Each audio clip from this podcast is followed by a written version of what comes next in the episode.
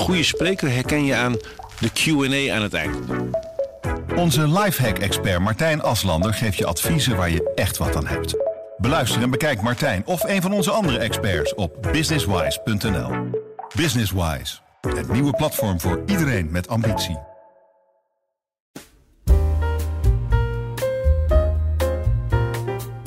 Welkom bij Lees die krant. Mijn naam is Emma-Louise Diest en in deze podcast neem ik je mee achter de schermen van het Parool. In iedere aflevering ga ik in gesprek met de maker van de krant. Want voordat we het Parool openslaan, heeft de krant al een hele reis gemaakt. En daar wil ik alles over weten. Ja, en al op de tweede pagina van de krant, prominent aanwezig, worden we vaak verwelkomd door de man die nu tegenover mij zit. Presentator, schrijver en columnist Theodor Holman. Ja, hallo. Hartstikke leuk dat je er bent. Ja, ik vind het ook hartstikke leuk. Het is wel een bekende plek voor jou natuurlijk. Voor mij is dit een hele bekende plek. Hier liggen miljoenen voetstappen van mij. Hier liggen liefdesrelaties, ruzies. Het hele leven komt voorbij. Nou, als je hier echt absoluut. zitten. Als Ja. ik daaraan denk. En eh, over een andere plek, die plek in de krant. Ja. Eh, hoe, hoe is die voor jou? Ben je, daar, ben je daar blij mee? Ja, natuurlijk. Ja, dat is, ik vind het zelf de mooiste plek in de krant. Maar ehm, ik heb eigenlijk elke plek die ik ooit in de krant heb gehad, eh, heb ik de mooiste plek gevonden. Het was namelijk zo toen ik begon bij de krant en ik wilde heel graag columnist zijn. Eerst was ik geen columnist, maar een beetje verslaggever. En ehm, toen heb ik vaak gevraagd aan de dienstdoende hoofdredacteur of aan de chef van ehm, eh, wat is nou een, de slechtst gelezen pagina? En dat was vaak een rare advertentiepagina of dat was een pagina met apotheken en sportuitslagen of nog wat ergers. En dan zei ik, ik wil daar graag een column hebben. Dat heb ik ook gedaan. En waarom wilde daar- je dat dan zo graag? nou, omdat ik wel wist dat ik me erin zou moeten vechten. En ehm, ja, dat vanaf die plek weer naar voren gaan. Ik heb altijd gevraagd, mag ik er een column over schrijven? Mag ik er een stuk over schrijven? En op een gegeven moment, ja, toen kwam ik vast. Eerst één keer in de week en daarna twee keer in de week, drie keer in de week. En toen elke dag. Maar was dat dan belangrijk dat je moest vechten? Want je zegt, je wil, je wil eigenlijk weten wat is de moeilijkste plek om te beginnen. En daar wil ik het ja, liefst beginnen. dat vond ik leuk. Dat, dat, dat vond die was, weerstand. was het niet moeilijk genoeg dan? Nee, want het ging mij om het schrijven. En eh, de plek kon mij helemaal niet zoveel schelen. En ik dacht, ik weet wel dat een omveld voor een column belangrijk is. Hè. Dat begint bij pagina 1 en ik weet precies hoe een krant in elkaar zit. Eh, maar ik dacht, ja, het, eh, je moet mensen juist op pagina's die niet zo gelezen worden, omdat er iets op staat wat ze niet zo interesseert. Daar moet je op een gegeven moment ja, eh, iets brengen wat, wat mooi is, wat leuk is, wat gek is, wat ze woedend maakt, wat verdrietig is, waarom ze moeten huilen. Nou ja, noem maar op. En dat vond ik leuk. En dan viel dat op en dan werd ik naar een andere, steeds belangrijkere plek, plek gebracht. En was dat dan ook belangrijk dat je dan zo die ontwikkeling maakte? Want je, je beschrijft het zo alsof je elke keer een stapje richting die tweede pagina komt eigenlijk. Ja, dat. Ja, kijk, het heeft ook te maken met een, een, een columnist is toch een tamelijk, vind ik zelf uiteraard, een belangrijk figuur in een krant. Hij, eh, eh, hij zit in een bepaalde omgeving waarin hij ook invloed uitoefent op die omgeving. En eh, misschien komen we daar straks nog over te spreken. Maar ik vind die weerstand, die vind ik prettig. En ik wil ook, ik vind het ook belangrijk om daar tegenaan te hangen. Om wat te doen wat niet, misschien wat niet mag. Of wat immoreel is. Of wat uiterst komisch is. Of wat eh, grof is. Eh, eh, en dat zijn, dat zijn plekken die moet je veroveren.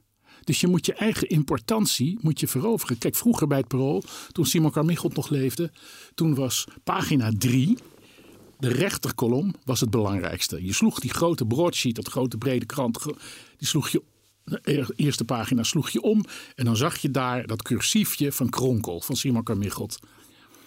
Eh, elke columnist na de dood van Carmichelt, die wilde altijd, zijn grote droom was pagina 3, die rechterkolom hebben.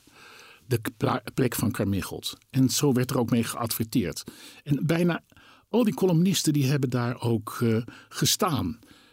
Ischa Meijer, Martin Bril, eh, noem maar op. En ik wist, ik weet dat het een hele belangrijke plek is. Maar ik ben toch dermate eigenwijs dat ik mijn eigen plek wil maken. Met mijn eigen stijl, met mijn eigen persoonlijkheid en met mijn eigen techniek. Zo interessant wat je dan zegt. Want is dan die plek waar je het nu over hebt, die pagina 3, was je daar dan ook een beetje bang voor? Nee, helemaal niet. Ik- Nee, helemaal niet. Maar ik dacht, ja, dat is.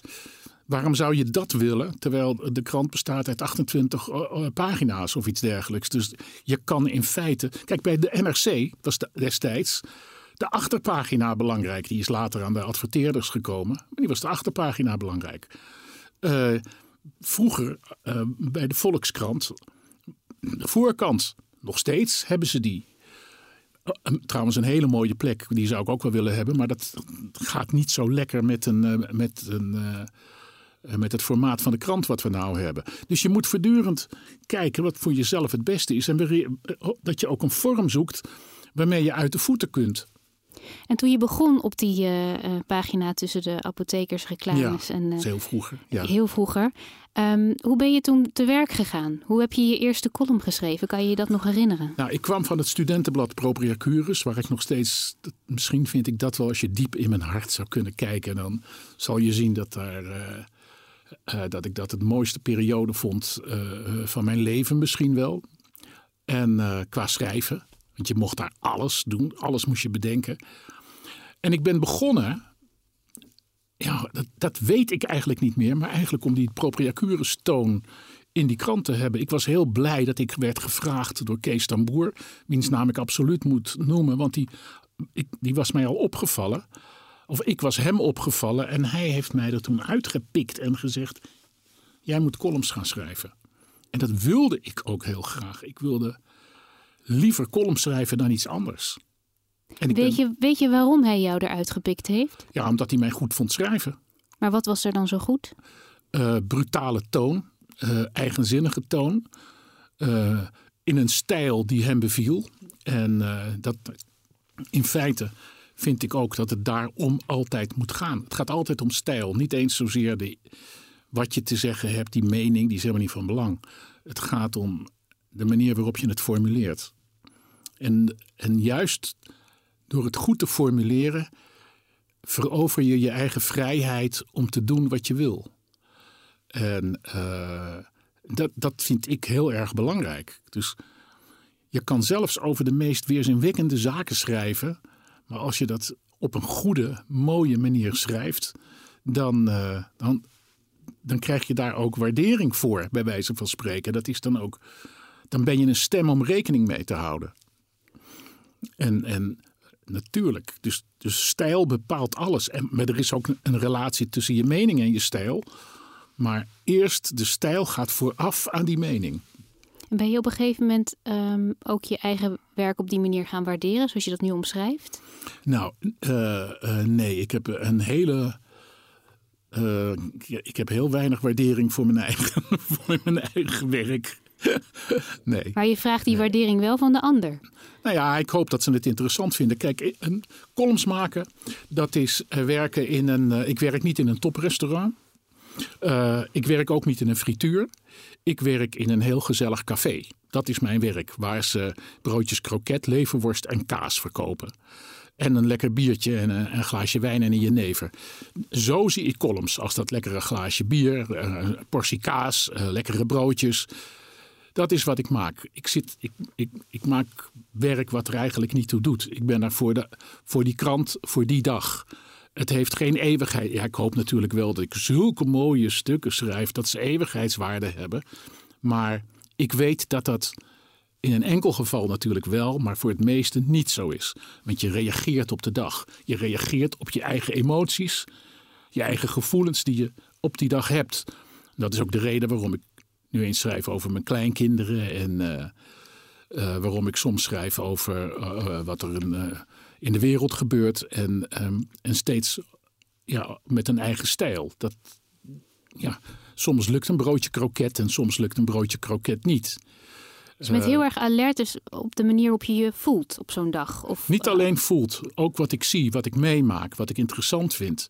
Ik zeg altijd, mensen vragen wel eens van, eh, eh, wat is de kwaliteit? Eh, hoe weet je wat iets kwaliteit is? En dan zeg ik altijd, kwaliteit, mijn kwaliteit althans, wordt bepaald door mijn techniek die ik heb, plus mijn persoonlijkheid. En die techniek die ontwikkel je, dat kan je gewoon, dat zijn de akkoorden die je moet oefenen als je wilt piano of gitaar spelen. En die persoonlijkheid, ja, dat hangt af van, de van heel veel dingen. De opvoeding die je hebt gehad, de opleiding die je hebt gehad, de mensen in je omgeving met wie je hebt, je huwelijken, je kinderen, je kleinkinderen. Die maken allemaal deel uit van je persoonlijkheid dat zijn de knoppen waaraan je kan draaien. Die techniek en je persoonlijkheid. En die leveren dan de kwaliteit op een bepaald moment. Terwijl je natuurlijk nooit precies kan zeggen wat kwaliteit is. Want de kwaliteit wordt voor het grootste gedeelte bepaald door degene die jou consumeert. Uh, hè, de, de, de klant bepaalt de kwaliteit van het brood. En je kan wel zeggen de bakker, maar de bakker moet zorgen dat er een goede relatie is met de klant die die heeft. Want die, als die zegt, nou ik vind het niet lekker, Waarom niet, klant? Nou, er moet meer suiker bij. Dan, zou je, dan doe je er als bakker verstandig aan om er wat meer suiker bij te doen. Ja, laten we het eens hebben over die klant, want dat is de lezer in deze. Dat is de lezer. Hoe is jouw relatie met de lezer? Uh, uh, dat, dat, dat is moeilijk te bepalen, want dat kan ik alleen zien aan de hand van de, de, of de, de, de brieven die je krijgt. En die wisselen, die zijn soms verschrikkelijk. Uh, maar uh, die zijn, en soms zijn ze ook heel goed, soms zijn ze heel mooi. Is, is dat de enige manier om te kijken hoe je relatie is? Door nou, ik weet niet hoe je er anders. Ik weet niet, ik, ik volg de. Kijk. Nou, je zegt dat het belangrijk is als je schrijft dat je. Dat je nou, ik doe niet wat de klant zegt. Dat doe ik zeker niet. De klant moet. Ik probeer wel. Ik weet dat dat de kwaliteit ook voor de krant, voor de hoofdredacteur en zo. Daar, die kijken naar wat de lezer ervan vindt. Ik zelf niet. Want dan als ik fouten maak, prima, dan uh, moet ik die herstellen. Maar ik ga er niet op letten wat. Uh, ik ben niet his master's voice. En de, ik ga niet doen wat de klant wil. Nee, dat is toch niet helemaal te vergelijken met een bakker. Want dan, daar kom je toch De bakker moet dat wel doen. En ik bepaal broodjes alleen. Gewoon, uh, ja. ja. ik maak wat dat betreft. Dit zijn mijn kroketten. En je vindt ze maar lekker of je vindt ze niet lekker. Dus dat is het. En ik hoop natuurlijk dat zoveel mogelijk mensen ze leggen. Dat, dat is een hoop, maar ik ga niet zeggen van wat voor kroketten willen jullie hebben. Nee, dat doe ik niet. Dat is, als ik die eigenwijsheid niet zou hebben, zou ik een hele slechte columnist zijn. Heb je die eigenwijsheid altijd gehad? Of is die... Ja, want die zit weer verweven in je persoonlijkheid. Dat, dat, dat kan nou eenmaal niet anders. Dat, anders dan wordt het niks. En uh, ik, ik denk, ik zie mijn vak wel als op vak. Ik, ik zie het schrijven van column wel als een artistieke bezigheid. Want in feite maak je korte verhaaltjes, korte statements, korte filosofietjes. Voor elke vorm van artisticiteit eh, eh, moet je, ben je verplicht eigenwijs te zijn. Eigenlijk, je moet. Maar die eigenwijsheid kan je niet zeggen van nou, oké, ga ik nu eigenwijs zijn. Dat moet vanuit, dat moet in je persoonlijkheid zitten.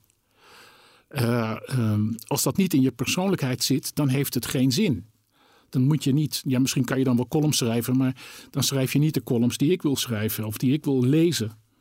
Dat zijn altijd, altijd mensen die, uh, die columns schrijven, en altijd mensen die misschien wel iets immoreels hebben, heb ik wel eens bedacht. Dat, dat in ieder geval uh, het vaststaande willen ze enigszins omverwerpen. Ja, want ja, dat geloof ik wel. Want anders heeft het. Ik, zie wel mensen die commercieel zijn. En die de, de baas willen behagen of hun eigen groep willen behagen. En uh, hun eigen bubbel willen behagen, zoals dat tegenwoordig heet. Uh, dat, dat vind ik niet interessant. Ik zal een voorbeeld geven, want uh, je moet me onderbreken als ik saai word hoor. Ehm, je, laten we zeggen dat we Trump een ontzettende vervelende klerenleier vinden dan vind ik het persoonlijk niet verstandig om een column te schrijven waarin je meldt dat Trump een ontzettende vervelende klerenleier is. Dan moet je er eigenlijk wat tegenaan gaan hangen. Dan, dan, dan moet je. Want waarom is dat? Omdat iedereen Trump al een ontzettende vervelende klerenleier vindt. Dan moet je eigenlijk als columnist zoeken naar iets anders. Wat daar dwars op staat. Wat er. Ja. En, en dat vind ik in ieder geval veel interessanter. Je, ik, ik moet niet geëmotioneerd zijn, hè, maar ik moet jou op een of andere manier raken. Daarom vind ik het niet zo erg als mijn klanten, mijn lezers, zeggen van... Holman, ik vind je nou een ongelofelijke lul. Want wat je nou hebt geschreven, dat is. eh, ben je een enorme zak. Ik had het laatst weer, en niet eens nog een week geleden. Toen had ik 72 vergelijkingen, negatieve vergelijkingen over Mark Rutte geschreven. Heerlijk om te doen trouwens. Daar hebben mensen hun abonnement voor opgezegd. Ja, Je brengt wel wat teweeg. Zeker. Ja. En dat, dat, ik vind het niet fijn dat mensen hun. Ik vind het dom van die mensen dat ze hun abonnement opzeggen. Eh maar Maar wat je net vertelt, hè, dat, je, dat je zegt. Nou, als je iets hebt waar heel veel mensen tegen ageren, dat, daar, daar zijn ze tegen. Dus Ja. daar, daar verzetten ze zich tegen. Ja. Dat is natuurlijk niet hetzelfde als waartegen jij je als col- columnist gaat verzetten. Dat, zijn, dat kunnen twee verschillende dingen zijn. hoe bedoel je precies? Nou, als jij natuurlijk, eh, je reageert dan eigenlijk, je zegt ik wil eigenlijk ergens tegenaan schoppen. Ja, ja. Dat nou is ja, niet, nee, nee, nee, niet tegen aanschoppen. Nee, maar wel dat die, er moet weerstand zijn.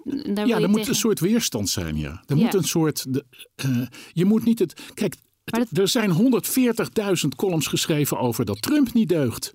Ja, wat moet ik, mijn, met mijn, wat moet ik er dan nog daaraan toevoegen? Helemaal niks. Daar Nee, je heb ik kiest helemaal dus je eigen, je Ja. eigen weerstand. En daar stel je ook eisen aan. Ja, het, en dat moet overeenkomen, notabene ook nog eens een keer met je eigen moraliteit. Dus met je, wat je zelf vindt van goed of slecht. Maar ik, eh, eh, eh, dus dat, dat, dat, is, dat bepaalt je vak ook. Dat je daarnaar zoekt en dat je steeds gaat hangen, gaat leunen.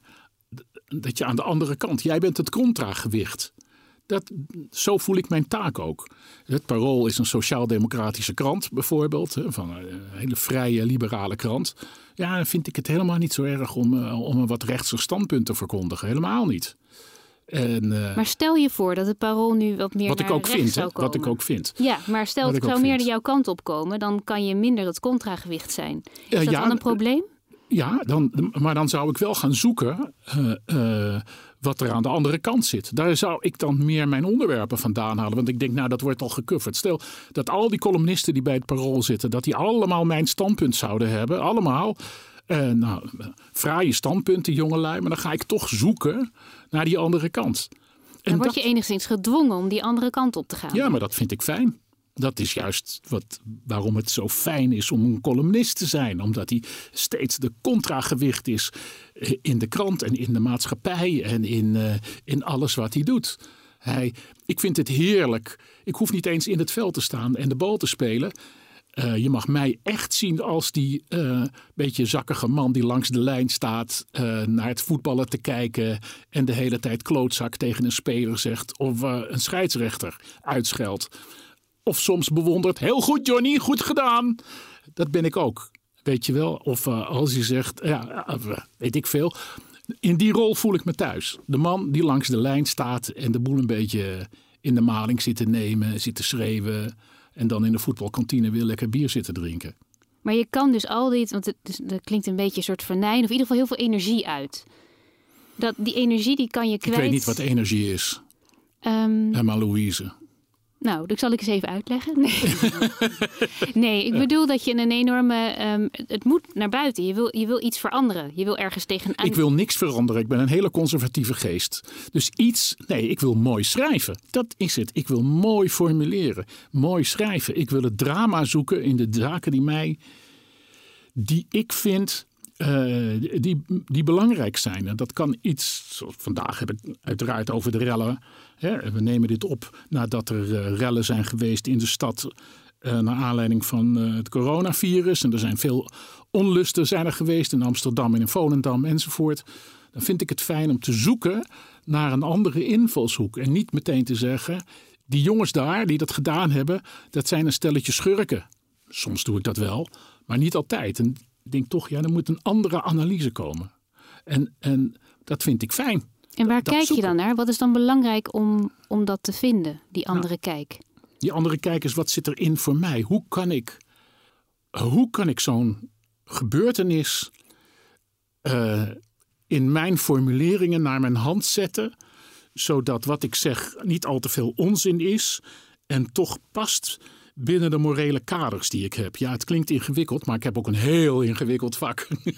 maar toch is dat zo. Als het niet ingewikkeld is, dan maak je het volgens mij ook meteen ingewikkeld. Ja, maar dat moet. belangrijk. Het moet, het moet ingewikkeld zijn. Je moet leuk zijn soms, je moet ontroeren. Kijk, als ik het wist hoe het was, dan deed ik elke dag. Maar je moet ontroeren, je moet mensen kwaad maken, je moet mensen gelukkig maken, boos. Ehm, eh, je moet ze door een hele eh, hoeveelheid emoties, gevoelens moet je ze drijven. En dat is het mooie van het en het leuke van het vak. Dus daarom is het zo moeilijk. Je kan niet elke dag hetzelfde doen. Ik had, ik, ik had duizenden columns kunnen vullen met Trump. Dat was me nogal in dank afgenomen ook. Van ja, eindelijk. Hij zegt eens een keer hoe het zit. Eh, dat moet je niet doen. Ik heb heel weinig geschreven bijvoorbeeld over Wilders. Waarom? Omdat ja, de hele krant, en niet alleen het Parool, maar ook Volkskrant, ook de NRC, ook Trouw, die stonden allemaal vol met stukken destijds tegen Wilders. Dat heeft voor mij geen zin. Dan heb ik eigenlijk zit ik dan te denken, ja, hoe kan ik nou eens iets schrijven uh, uh, wat anders is? Als ik, je moet altijd zorgen dat je iets anders doet. Daar faal ik wel in, maar dat is wel de bedoeling dat je dat doet. Ja, geef je jezelf ook de ruimte om daarin te falen? Ja, zeker, natuurlijk. Natuurlijk, natuurlijk. En wanneer is dat gebeurd? Dat je dacht van, hé, hey, wacht even, daar heb, ik, daar heb ik niet opgelet. Daar ging het toch niet zoals ik dat van plan was. Oh, dat zijn zoveel, Emma Louise. Mijn leven uh, wordt getypeerd door mislukking. echt waar, echt waar. Het, het is... Uh, uh, ik, ik, er zijn zoveel dingen waarin ik fout zat met mijn gedachten. Zoveel zaken waarin ik eh, achteraf zie van... oh, wat een blunder heb ik daar begaan. Maar dat vind ik niet erg. Dat is nou eenmaal zo. Dat is zo. Dat ik, dat ik verkeerd heb gedacht of dingen niet heb gezien... of een analyse verkeerd heb gemaakt. Zwa. Maar wat doe je er dan mee? Want je zegt wel, oh, dat had ik anders moeten doen. Dan is er wel een moment dat je even, dat je toch even baalt. Ja, dat heb ik elke dag wel. Dat heb ik elke dag wel. Uh, uh, ja, om een formulering, om een zienswijze. Elke dag is er een baalmoment. Maar dat heb je nodig om dat in een ander stuk weer goed te doen. Dat je denkt, nou ja, goed, dat heb ik.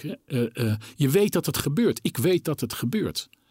Ik kan heel veel trainen en toch tweede of derde worden. En daar is niets aan te doen. Dan moet ik genoegen nemen met tweede of derde. Ik moet genoegen nemen met mijn mislukkingen.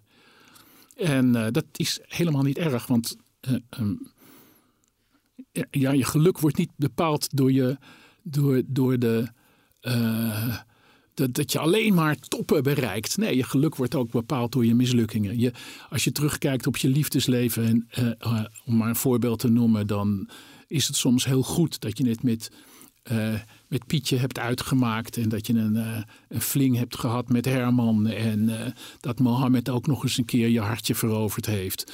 En dat waren misschien alle drie mislukkingen. Toch had je ze niet willen missen. Waar ligt het geluk voor jou op dit moment dan? Nou ja, als je een, een mooi geformuleerd stuk hebt voor jezelf. Dat je denkt, ja, dat is... En je krijgt er dan ook positieve reacties op natuurlijk. Dat is altijd fijn. Want ieder mens heeft aandacht nodig en ik heel veel. Uh, althans, nooit genoeg. Dus dan is het, is het ook leuk dat, uh, dat ze daarop reageren. Maar als ik dan zelf tevreden ben, denk ik, ja, dit is, uh, ja, dit is leuk. Als je, als je de reacties ziet van mensen en, en, en terwijl je toch eigenwijs gebleven bent van dit heb ik gedaan met mijn eigen wijsheid. Dit vond ik belangrijk om het op deze manier te zeggen. En mensen zeggen dan nou... Mag dat even leuk. duren, dat moment? Hoe bedoel je? Even de, de, tevredenheid of is dat van heel korte duur? Sorry dat ik het zo ordinair moet zeggen, maar het is net een orgasme. Het is even heel prettig en daarna neemt het af. En dan ga je op zoek naar het volgende orgasme.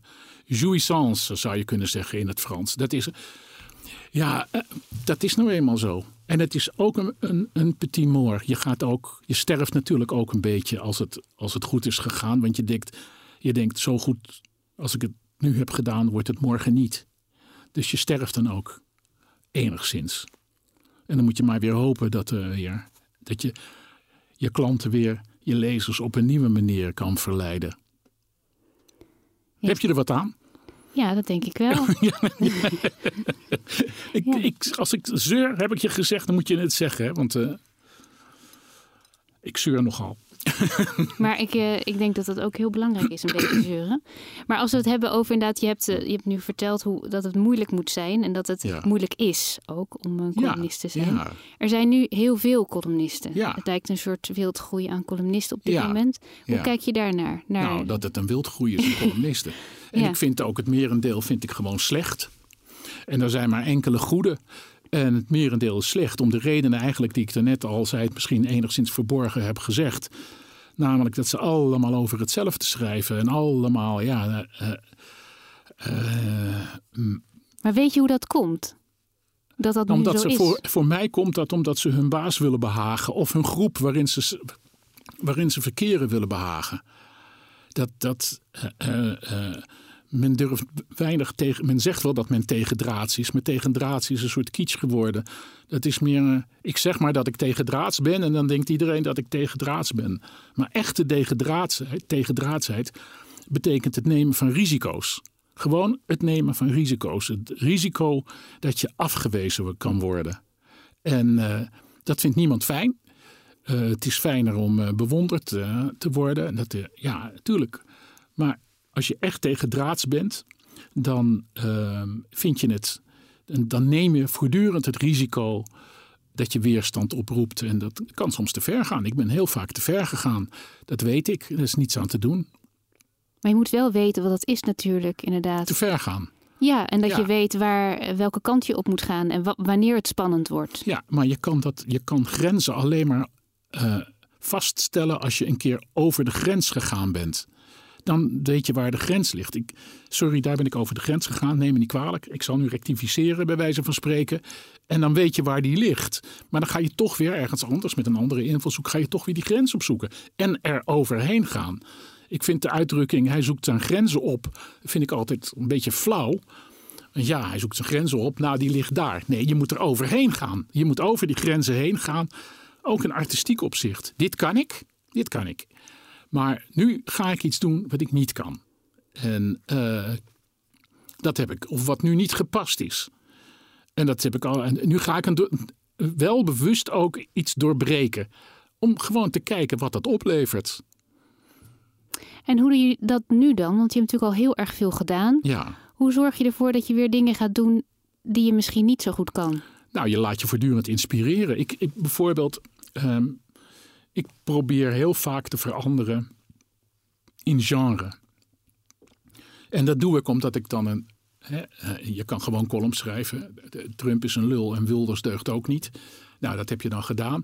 Maar in een, ik probeer ook wel eens dat in een ander genre te doen. Vaak in een sprookje, omdat ik daar je metaforen goed weg. Omdat ik daar mijn metaforen metaforisch kan schrijven. Vaak doe ik dat ook in een, soms in een gedicht, in poëzie. En dan kan je binnen die poëzie kan je ook weer veranderen. En in dat sprookje kan je ook weer veranderen. En dan weer doe ik het als een zakelijk bericht. En dan weer, dus ik probeer ook in die genres te wisselen. En te kijken. En dat mislukt soms op een verschrikkelijke manier. Dat ik denk, ja, Theo. En weet je dan waardoor dat komt? Want je zegt nu wel, ik ga van genre naar genre. Maar je zegt ook al, ik neem dan een sprookje. Want daar daar kan ik mijn weg in wel in vinden, maar dat betekent toch ook wel dat je je weg daarin kan vinden. Ja, en kan enorm kan verdwalen en over de schreef kan gaan en domme dingen kan zeggen. Ja, dan vinden mensen mij maar dom, weet je wel. Nou, jammer. Ik vind hun ook dom. Dus uh, uh, daar is niets aan te doen. Je, je moet dingen durven en, en je moet over de schreef durven gaan. Uh, je moet durven dat de mensen je een enorme zak vinden. En eh, ik denk wel eens dat stiekem, ehm, dat moet je ook fijn vinden, dat mensen dat vinden. Daar moet je niet tegen opzien. Sorry, maar zo is het nou eenmaal. Ik hoef niet met iedereen bevriend te zijn. En om die je hebt ook wel een ruimte nodig, denk ik, om dit allemaal te kunnen ontwikkelen. Ja, ehm, heb, krijg je die nu genoeg? Dan heb ik het niet alleen over de krant, maar ook gewoon nu in de maatschappij. Heb je het idee dat die ruimte er is, die creatieve ruimte?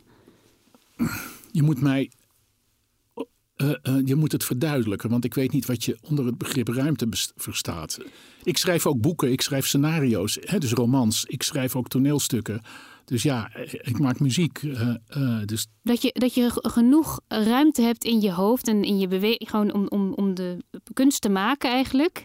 Dat je, je zegt, ik wil graag geprikkeld worden, ik wil nieuwe dingen doen. Dan moet je ook van buiten die prikkels krijgen. Ja. Dus dan moet ook die omgeving, als je, als je zo omschrijft, ik heb het idee dat langzamerhand de columnisten allemaal dezelfde kant op gaan. Het Ja. wordt nogal tam. Ja. Krijg je dan wel die weerstand die je nodig hebt, die je zo Ja, die, in het nou, begin? die zoek je op. We- Weerstand is iets die, die, kan je, die, die moet je opzoeken.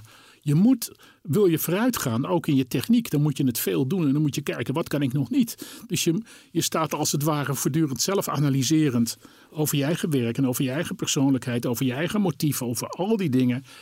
Eh, eh, die, hoef je niet eens zo te benoemen, maar daar reflecteer je als het ware automatisch op. En dat moet je, die weerstand moet je opzoeken. Heel, er zijn mensen die doen heel duidelijk.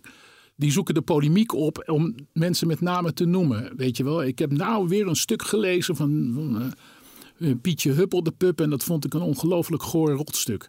Ja, dat, zo kan je polemiek bedrijven. Dan zoek je ook je tegenstand op, letterlijk. Maar voor mij, te- dat vind ik meestal te letterlijk. Dat wil ik niet.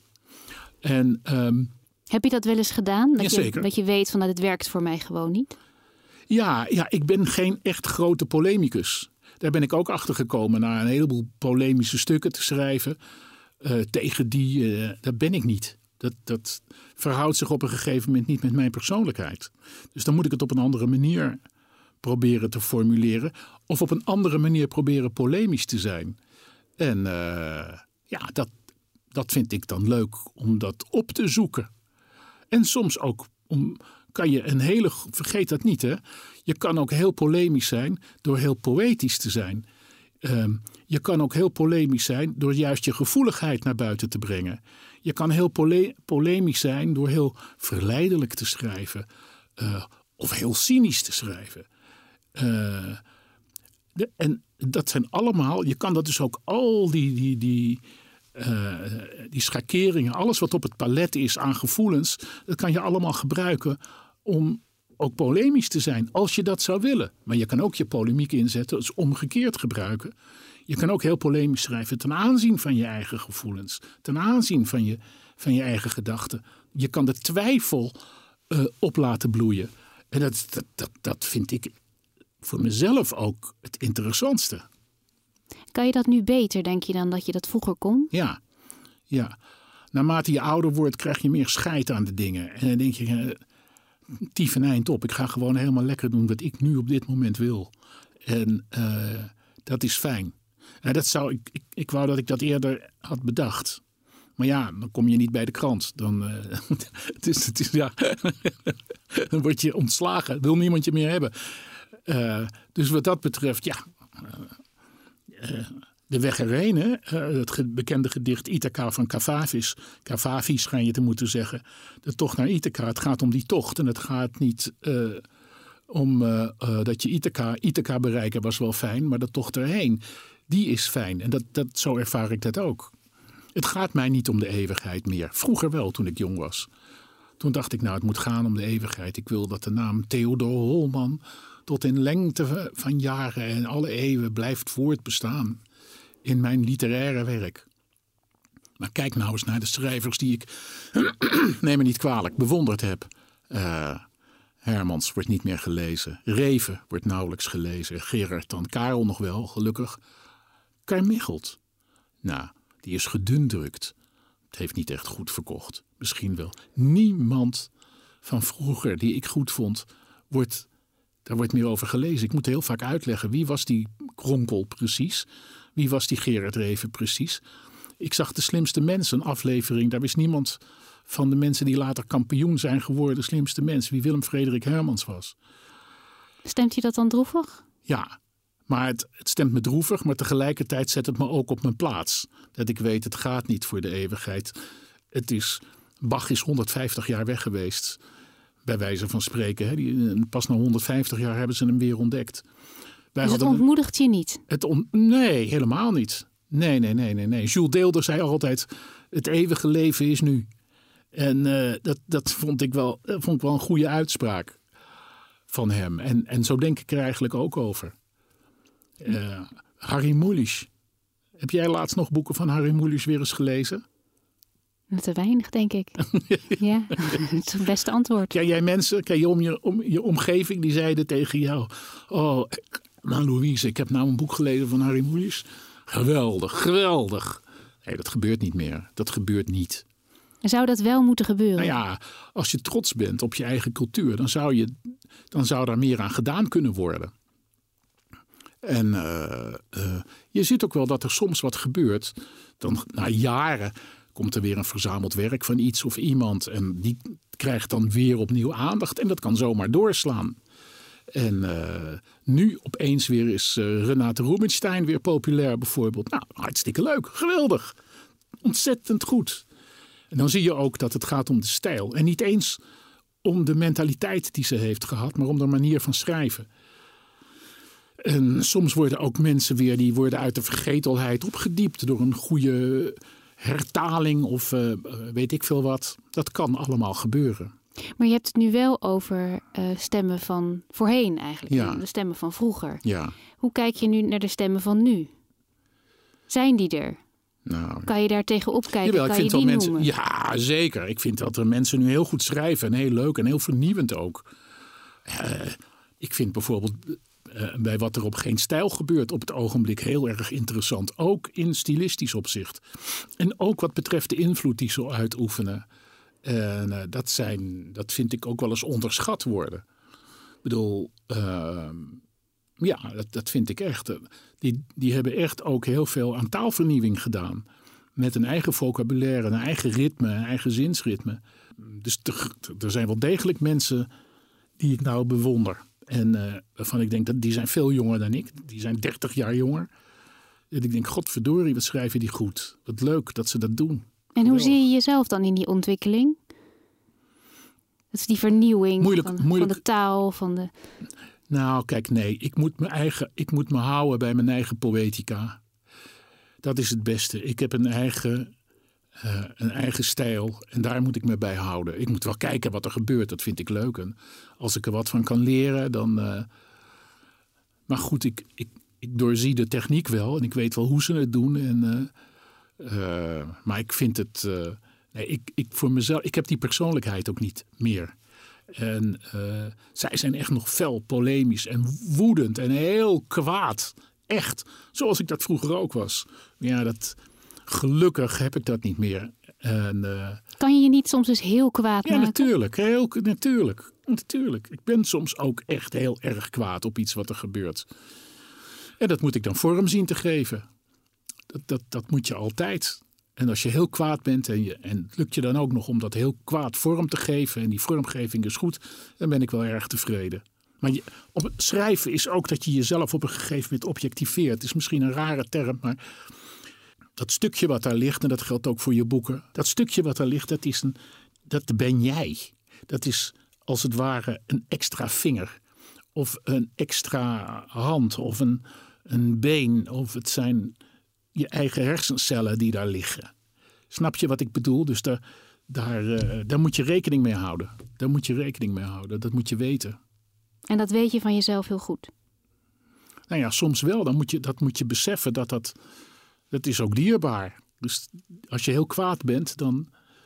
Ja, dan is wat daar staat... Dan gaat het om die stijl. Dat stukje moet boosheid opwekken of boos zijn. Mijn ideaal is dat ik nog eens een keer um, zo kan schrijven dat mensen er dronken van worden. Of zo kan schrijven dat mensen verliefd worden. Of zo kan schrijven dat, ja, dat zou fijn zijn, dat je mijn stuk leest en jij wordt dronken. Wat zou dat niet heerlijk zijn? Terwijl als ik dronken ga schrijven, dan word jij niet dronken. Als ik verliefd ga schrijven, dan word jij niet verliefd. Dat is wel wat iedere puber denkt. Dat is echt een hoop, met schrijven. hoop van wat het werk uiteindelijk gaat doen. En dat is dus ja, dat, zou, dat, dat zou het ideaal zijn. Dat zou het, ik schrijf nu, ik beschrijf nou iets wat je nooit bereikt. Maar wat je wel wil natuurlijk, dat is de, je wil dat koesteren. Je zou dat wel willen. Je is wil, dat de wil van het schrijven? Ja, bij mij wel. Dat is wel wat ik, dat je het zo formuleert. Kijk, een gevoel is nooit eenduidig als ik zeg ik wil dat als ik een, een, brief schrijf dat je dan of een column schrijft dat je dan verliefd wil, dat is het denken van de puber die denkt ik schrijf een liefdesbrief en dan wordt zij verliefd op mij. Dat, is niet zo omdat we liefde bestaat uit zoveel ongelooflijk veel schakeringen, ongelooflijk veel zaken die je maar dan moet, net moet treffen, dat, dat kan je nooit bereiken daardoor. Nee, maar de insteek moet er wel zijn. Nou ja, als je, zeker als je romans ook schrijft, uh, dan wil je wel iets formuleren, gevoelens formuleren. Misschien wel niet alleen gevoelens, maar ook gedachten, analyses maken, opvattingen ventileren, die daarvoor, en ook in combinatie, dat alles, die daarvoor nog niet geformuleerd zijn op die manier. Dat is de techniek. Dat, dat is wat je, waarom je wil schrijven. Ik heb een verhaal hier binnen en daar moet ik een vorm voor vinden. En, en daarom zal het ook nooit helemaal lukken. En daarom zal je altijd mislukken. En dat is de tragiek van de kunstenaar. Ook al heeft hij nog zoveel roem, ook al gaat het nog zo goed, verkoopt hij nog zoveel. De ware kunstenaar weet van binnen dat hij eigenlijk faalt. Zo, dit was de optimistische boodschap. Maar eigenlijk schrijf je dus gewoon twee keer per week eh, of meerdere keren per week een liefdesbrief. Ik schrijf, nee, ik schrijf vijf keer per week voor, zes keer per week geloof ik, ja, zes keer per week voor het Parool.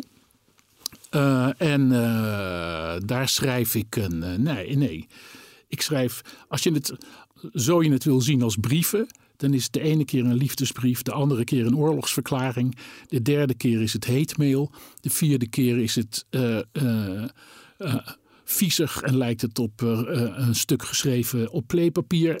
De vijfde keer is het iets poëtisch, de zesde keer is het een gewoon normaal broodje kroket dat mensen na tien regels waarschijnlijk overslaan. Dat is nou eenmaal, zo is het nou eenmaal. De, de dingen zijn nooit eenduidig. De, de visie is nooit rechtstreeks en de focus is op meerdere zaken gericht. Dat kan niet anders. En waar is jouw focus op gericht? Ben je altijd bezig met het volgende wat je gaat schrijven? Ja, nou ja. Ik vind een muzisch leven, dat vind ik het mooiste leven wat er is. Ik vind de artistieke blik uh, om naar mensen te kijken, naar mijn vrienden en naar mijn vriendinnen en naar, de vrouwen in mijn leven, dat vind ik het mooiste wat er is. Uh, dat ze meer zijn dan hoe ze zich voorstellen. Maar ik wil ook graag in de zaken de poëzie zien, de muziek horen, de mooie lijnen zien. Ik, en de cultuur vooral wil ik daarin kunnen herkennen. Uh, dat, zo wil ik dat mijn leven is. En uh, dat mislukt ook natuurlijk, uiteraard, want anders is er niks aan.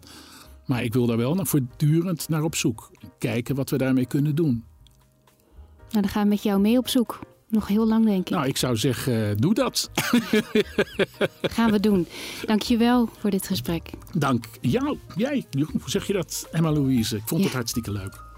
Bedankt voor het luisteren en ben je nu heel erg enthousiast geworden en wil je meer verhalen horen achter de voorkant van de krant? Dat kan. Kijk even in de podcast-app voor de andere afleveringen.